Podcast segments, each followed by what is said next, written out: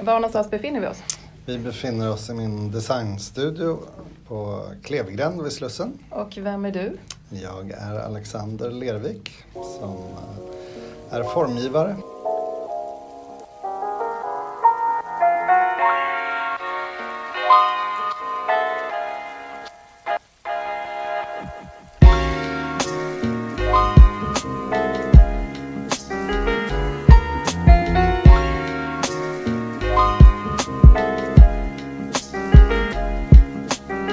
Då säger jag hjärtligt välkommen till Waldorfpodden, Alexander Lervik. Tackar!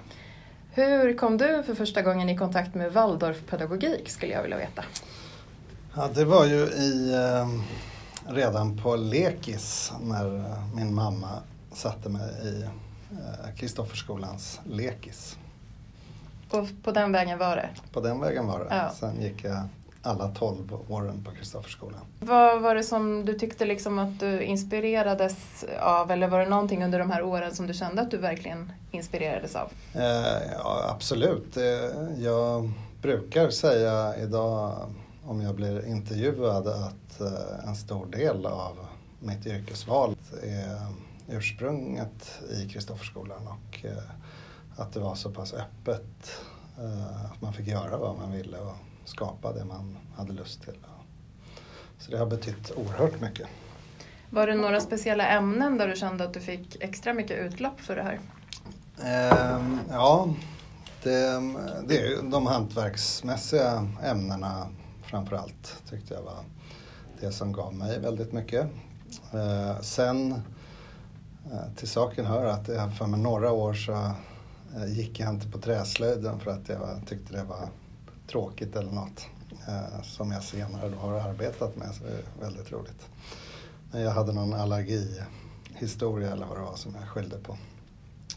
Men eh, i alla fall, det var eh, just eh, den här del, den fria delen tycker jag har varit jätteviktig i att kunna förstå och se att man faktiskt kan prova på det mesta och att bli bra på det i slutändan om man bara vill och försöker. Jag blev lite full i skratt när du sa det här med att du var allergisk mot träslöjd. För att jag var nämligen allergisk mot kopparstavarna i erytmi ett tag där också. Så att jag hade på mig bomullsvantar. Jag tror att vi alla som har gått på Waldorfskolan någon gång har, har känt under perioder kanske att allting inte har varit det bästa. Men sen har man ju ändrat sig på något sätt Ja. ändå, sådär på vägen. Jo, men det, och det tycker jag, det är ju som med allting i livet att det finns bra och dåliga sidor. Och jag tror jag som elev var ganska, eh, ganska drömmande och satt i min egen värld på lektionerna och för mig eh, var per- Kristofferskolan perfekt i det hänseendet tror jag, att man kunde ta tag i det på rätt sätt. Eh, I en, nu när jag, jag har haft mina barn i kommunal skola så eh, ser man ju att det fångas inte upp på samma sätt där. Så det är jag glad över att, att ha fått det i bagaget. Vad kan du se som de största kontrasterna då mellan kommunala och, och Waldorf nu när du har barnen på kommunal? Ehm, ja, det är ju eh, väldigt mycket det här att man skapade sitt eget material, gjorde sina, sina egna böcker. Att eh, den, här- de här hantverksämnena hade så stor eh, del i, eh, i skolan. Och, eh, men sen fanns det också vissa negativa delar tycker jag. För egen del var det språkundervisningen som jag i efterhand kan, även om det självklart beror mest på mig själv, så tycker jag det är ganska anmärkningsvärt att jag har gått 12 år och haft tyska i 12 år och inte kan ett ord idag i princip. Um, och det på något, jag vet inte om det var en trend i att man inte skulle lära sig när man var i den där åldern, men på något sätt. För även eng, engelskan lärde jag mig när jag flyttade till Italien sen efter skolan. Då blev jag eh, engelskspråkig kan man säga. Men som sagt, det är ju mig som elev också självklart som styr det där. Men det, det är väl den delen jag kan tänka jag tänker att ja. du och jag är ganska nära varandra i ålder. Mm. Ja. Eh, nu ska jag inte avslöja hur gamla vi är, det ska man aldrig göra. Men, men jag tänker att det var ju lite av en trend som du säger. För att jag gick ju också Waldorf och lärde mig inte särskilt mycket tyska där. Nej. Men åkte sen utomlands och lärde ja. mig desto mer tyska ja. när jag var i Tyskland. Ja. Så att eh, jag kan känna igen vad du menar. Och samtidigt så tror jag väl att det är lite annorlunda idag. När vi följer Lgr 11 i Waldorfskolan på ett annat sätt än vad man gjorde då. Så då, jag hoppas i alla fall att det har blivit ja, bättre. Det hoppas jag. Men hur kom det sig sen att du, alltså hur gick du vidare efter de här 12 åren? Du, har ju börjat, du jobbar ju väldigt mycket med design, men gjorde du det från, från början sen? Ja, intresset eh, fick jag i tidig ålder, jag tror jag var 13 eller 14. Och eh, faktiskt valde när jag gick ut där det här eh, examensarbetet man gjorde i tolvan så gjorde jag en bokhylla i efterhand är det ganska roligt för jag köpte en bokhylla på Ikea och sågade sönder den och eh, byggde en ny av den. så det var eh, det man idag kallar Ikea-hack, gjorde jag den gången. Men ehm, sen eh, efter det så visste jag då att jag ville bli formgivare och åkte till Italien för att lära mig italienska för att de bästa designskolorna i världen fanns där. Och eh, sen kom jag faktiskt in i Stockholm på Beckmans designskola. Och innan det så gick jag som möbelsnickarlärling i två år för att lära mig trähantverket ordentligt. Och när var det som du liksom kände så här, men nu är jag så pass eh, säker på det jag gör och, och så där så att jag vågar etablera någon typ av verksamhet? Ja, det var direkt, jag hade väldigt flyt av mitt examensarbete på Beckmans då. Så att så fort jag gick ut skolan där så, eh, så startade jag själv. Så det är 21 år sedan idag. Som, eh, och har jobbat själv sedan dess. Tyckte du att Beckmans på något sätt var likt det du hade lärt dig i Waldorfskolan eller skilde det sig åt väldigt mycket? Nej, det, där var det faktiskt väldigt likt. Och det, för det var samma typ av tankesätt egentligen i att det var väldigt fria tyglar. Eh, man, ville man lära sig något så kunde man lära sig hur mycket som helst om det området. Och, men man fick inget gratis egentligen utan man, det gällde att man själv jagade det. Och, um, så för mig passade det där perfekt. Och jag tror det, den gången var Beckmans betydligt mer så. Idag är det också det en statlig skola men den gången var den privat. Så att um, det fanns mycket likheter i, att, i det. Jag funderar på om det är någonting mer i din uppväxt och i din utbildning där du känner att, eh, att du på något sätt eller har fått med dig just det här med inspirationen.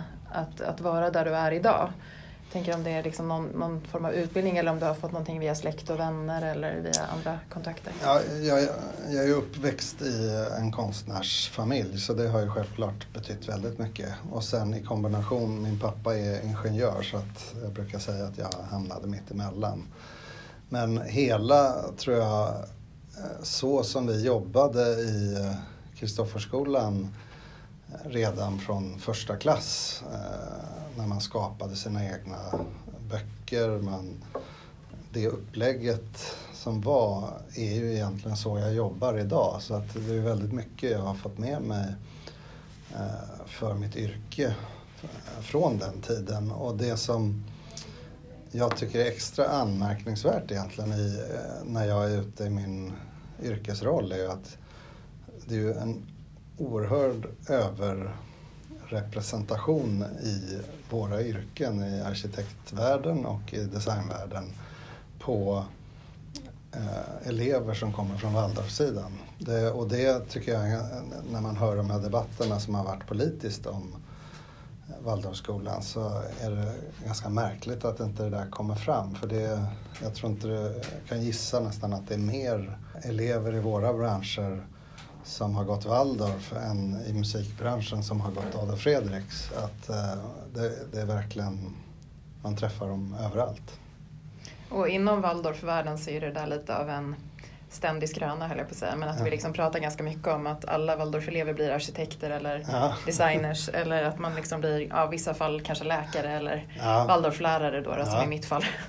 Att man liksom på något vis stannar i det där som var så himla skönt under de åren. Eller kanske också stannar i det som man var lite sådär försiktig med. Ja, men jag tror nästan jag skulle vilja eh, vända på det och säga att jag tror det som det har gjort är att det möjliggjorde. Jag tror, det, jag tror ganska många människor vill jobba med kreativa yrken och hantverksmässiga yrken. Men det finns en spärr i att ta det där steget till att våga. Och det är ganska ofta det kommer människor till mig som är på en föreläsning eller liknande. Åh oh, gud, tänk om jag hade vågat göra som du. Och det, det tror jag man fick med sig från, för att vi fick ju göra det där hela dagarna i, i skolan, att det var fritt och eh, öppet. Så det tror jag är den största delen i det där, att man faktiskt har förstått att man kan. Mm. Och det är ju också någonting fantastiskt om man tittar på det så här mm. i efterhand. För det, det, känner jag verkligen, jag håller med dig, mm. 100% om det. Att våga stå inför människor och prata och vara, mm. alltså på något sätt utveckla det sociala mm. hos en själv. Att våga möta människor i olika situationer helt ja. enkelt. Så. Jo, och det är ju en sån här, det har jag tänkt på någon gång, ganska fantastisk sak när, i, i det här spelet jag hade sån scenskräck så att det var liksom, jag tyckte det där var helt fruktansvärt och jag tror jag hade en mening eller något sånt där i det där spelet. Jag kommer inte ihåg vad jag var, ett träd eller något. Men eh, idag så föreläser jag för hundratals människor utan att ens tänka på det. Att det på något sätt att det går att, eh, att förändra det där på eh, så pass sätt är fantastiskt. Så det, det är många sådana delar som man får med sig. Mm. Jag stiftade ju bekantskap, eh, eller egentligen kan jag väl erkänna att jag vet ju lite som sagt att du kommer från en konstnärsfamilj. Jag läser ju alltid på lite grann innan mm. jag ska träffa mina gäster och sådär. Men då eh, stötte jag ju framför allt på dig som jag också berättade för dig eh, innan här idag. Eh, när jag var nere på Öland under påsken nu. Mm. Ehm, och gick på, heter det Vida Blick? Nej, Vida museet. Vida museet Vida heter det. Ja, men jag får för mig att det alltid mm. heter Vida Blick för man har en vid blick ja. från museet. Men Vida konstmuseum. Ja. Ja. Och eh, jag blev så otroligt fascinerad över det som du och Eva Dahlgren har fått ihop, det här gemensamma mm. konstprojektet. Ja. Eh, en kombination av design och musik och eh, mm. poesi lite grann också kändes det som ja, i vissa verkligen. delar. Sådär. Eh, hur kom det sig att ni gjorde det? Det började, jag hade för många år sedan ritat produkter åt eh, Orrefors och eh, när jag var nere i hyttan där och såg eh, själva glastillverkningen blev jag fascinerad av hur ljuset spelar i det här glaset när man tillverkar det. Och sen när objektet är klart så har ju det försvunnit, att det är nästan vackrast när det görs. Och då fick jag någon tanke om att jag skulle vilja göra ett projekt där, som berörde alla sinnen helt enkelt. Och då en dag så trillade polletten ner och jag kom fram till att jag skriver ett brev till Eva Dahlgren. Jag kände inte henne. Och så postade jag det och fick panik när jag hade lagt det på brevlådan. Bara, Herregud, vad har jag gjort? Men en vecka senare fick jag svar. Och, Fantastiskt. Alltså. så ja. fick, träffades vi och hittade varandra. Mm. Och, eh, eh, det var ett helt fantastiskt lärorikt projekt och eh, jättespännande mm. att utveckla. Mm. Och jag kan ju verkligen rekommendera om det nu är så att någon lyssnar på podden och mm. alltså jag vet inte hur länge det kommer vara kvar på det Öland. Det står till midsommar. Till midsommar, ja men då hinner man i alla fall mm. ta sig dit om inte annat. Så. Men ja. sen så ska ni, ni har stora planer nu här då för det här projektet. Ja, det fortsätter på, det har ju varit på ett antal utställningsplatser i Sverige men nu ska det fortsätta utomlands. Så just nu för vi dialog i, med ett galleri i New York så jag hoppas vi ska komma dit. Och sen är det andra i Washington och eh, Chicago också som vi tittar på. Mm. Har du något mm. mer projekt på gång utöver det här? Ja, väldigt mycket eh, egentligen som pågår. Det, jag är väldigt bred i mitt yrke så just nu så ritar jag hissar för ett svenskt företag. Jag ritar gasolgrillar för ett annat. Sen är det mycket möbler och mycket lampor. Um, och och så håller jag på med ett annat stort utställningsprojekt som är mer åt konsthållet som ska öppna i Milano i 2021, i april 2021. Så det är lite allt möjligt. Om man nu ska koppla det där till Waldorfskolan så kan jag känna igen mig i att man nöjer sig inte med en sak. Nej, Utan precis. man vill gärna göra många Ja. saker. Ja, Eh, ibland lite för många saker brukar mina släktingar och vänner säga till mig. Ja. Jag vet inte om du får höra samma sak men det, jo, det får jag höra. ja, det händer. Alltså. Ja, precis. De här olika liksom, projekten som du gör, så, är det någonting som du själv tar initiativ till numera eller är det att folk vet att du finns och hör av sig och sådär? Det... Ja, det är väldigt eh, olika. Från början var det alltid jag själv som drog igång dem. Uh, från numera så hör ju företag av sig och som hissa, både hissarna och grillarna är ju företag som har hört av sig till mig. Eh, och, men ibland fortfarande så kommer jag på en idé och eh, lanserar för eh, eller säljer in till en producent och tar fram. Utställningsprojektet är ju helt och hållet mitt eget som eh, det här som ska till Milano. Mm. Det, eh, och det är på något sätt en kreativ plattform för mig själv som jag använder för att eh, utveckla mig själv och komma vidare i yrket. Så. Om man skulle vilja se dig här i Sverige då, förutom där på Öland som vi pratar om nu, kan man se dig någon annanstans? Ja, det är mycket, det, det svåra med designyrket är att det finns väldigt mycket butiker som säljer mina produkter. Eh, sen finns det museer, Nationalmuseum har mina produkter i samlingarna. Eh, och eh, Röska museet i Göteborg har också sina samlingar. Och annars så är det utställningar. Stockholm Design Week varje år i februari så ställer jag alltid ut i olika sammanhang. Så då kan man, alltså på möbelmässan helt enkelt. Mm. Så där kan man se mig. Mm. Mm.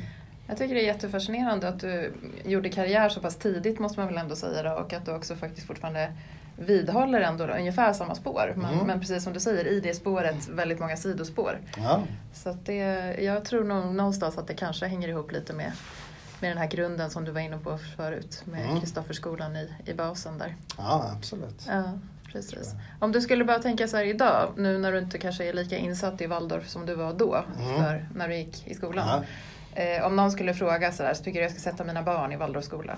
ja jo, jag har faktiskt eh, vi sökte för vår yngsta son nu men han, jag tror inte han kom in eftersom vi inte har hört något. Men eh, eh, vi, eh, jag, absolut. Mina första barn, de, då bodde vi för långt bort tyckte vi så att vi valde bort det. Men eh, nu den yngsta, nu bor vi mitt på Söder så att då känns som, det var ju så jag åkte när jag var liten. Så. Mm.